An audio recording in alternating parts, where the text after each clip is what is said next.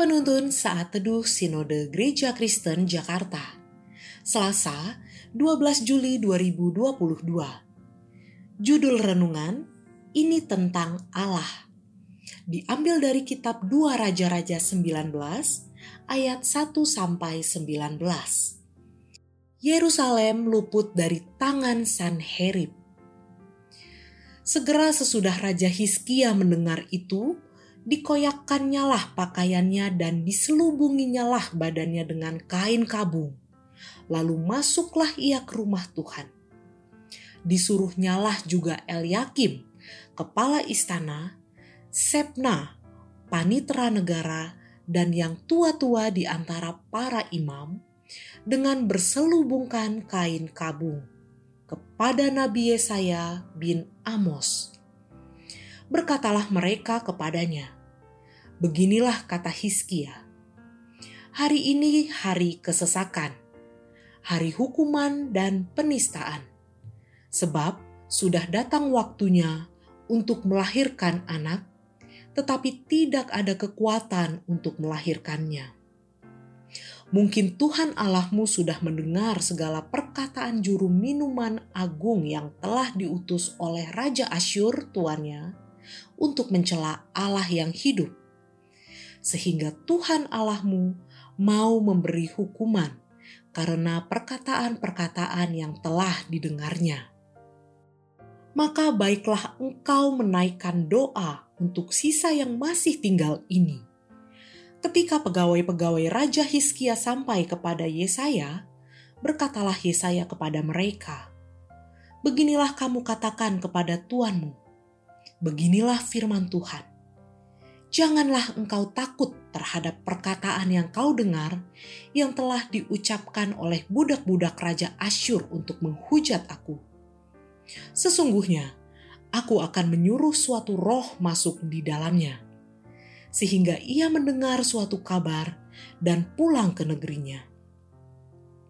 Aku akan membuat dia mati rebah oleh pedang di negerinya sendiri Ketika juru minuman agung pulang, didapatinya lah Raja Asyur berperang melawan Libna, sebab sudah didengarnya bahwa raja telah berangkat dari Lakis.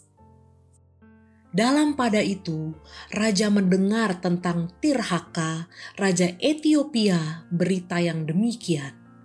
Sesungguhnya ia telah keluar berperang melawan engkau maka disuruhnyalah kembali utusan-utusan kepada Hiskia dengan pesan. Beginilah harus kamu katakan kepada Hiskia Raja Yehuda. Janganlah Allahmu yang kau percayai itu memperdayakan engkau dengan menjanjikan Yerusalem tidak akan diserahkan ke tangan Raja Asyur. Sesungguhnya engkau ini telah mendengar tentang yang dilakukan raja-raja Asyur kepada segala negeri yakni bahwa mereka telah menumpasnya. Masakan engkau ini akan dilepaskan?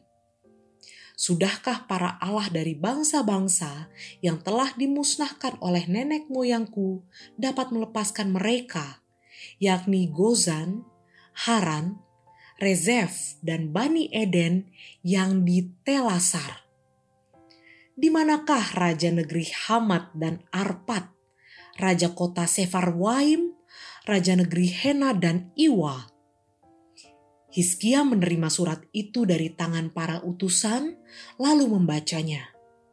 Kemudian pergilah ia ke rumah Tuhan dan membentangkan surat itu di hadapan Tuhan. Hiskia berdoa di hadapan Tuhan dengan berkata, "Ya Tuhan Allah Israel, yang bertahta di atas kerubim, hanya Engkau sendirilah Allah segala kerajaan di bumi.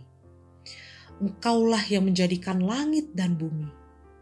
Sendengkanlah telingamu ya Tuhan, dan dengarlah. Bukalah matamu ya Tuhan, dan lihatlah.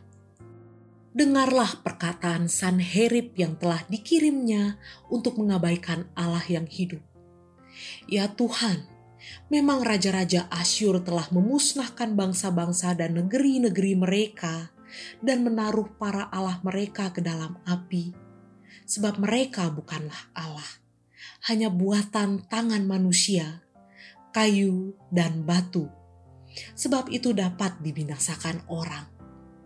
Maka sekarang, ya Tuhan Allah kami, selamatkanlah kiranya kami dari tangannya, supaya segala kerajaan di bumi mengetahui bahwa hanya Engkau sendirilah Allah, ya Tuhan. Tanggal 28 Maret 1981, pesawat Garuda DC-9 Woyla dibajak saat transit di Palembang. Pesawat itu kemudian dialihkan ke Bandara Don Mueang, Bangkok, Thailand. Dalam hitungan hari, tim Kopassus dikirimkan untuk melakukan operasi pembebasan sandera. Tim itu sukses menjalankan misi dan para sandera berhasil dibebaskan mengapa pemerintah harus turun tangan membebaskan penumpang Garuda yang disandra? Karena ini menyangkut kehormatan negara. Pada waktu kota-kota di Yehuda direbut oleh Raja Asyur, kengerian menghinggapi rakyat di bawah pemerintahan Raja Hiskia. Raja Asyur kemudian menyuruh utusan menyampaikan perkataan teror di tengah-tengah rakyat yang berdiam di dalam tembok kota Yerusalem bangsa itu benar-benar di bawah ancaman. Tinggal sedikit lagi, maka kerajaan Yehuda jatuh. Namun, di tengah-tengah bahaya itu, Hiskia datang kepada Allah. Ia mengungkapkan isi hatinya kepada Allah. Bagi Hiskia, perkataan utusan Asyur dan surat yang datang kemudian merupakan penistaan kepada Allah.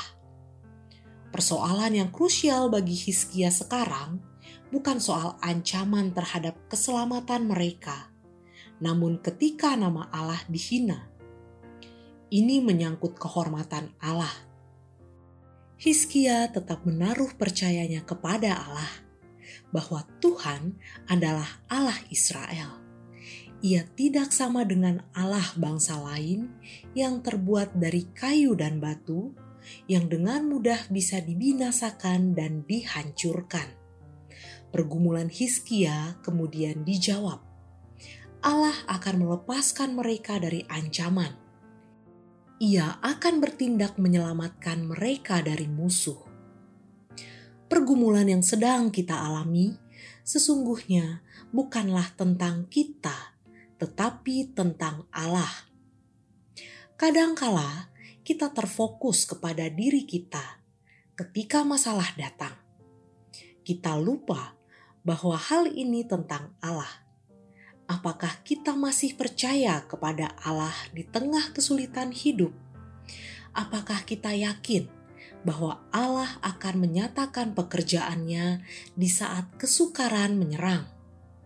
Apakah kita mengaminkan bahwa Ia dimuliakan di dalam kesulitan hidup kita, dalam penderitaan dan kesukaran, janganlah berfokus pada diri sendiri, tetapi tentang Allah. Kiranya Allah memampukan kita.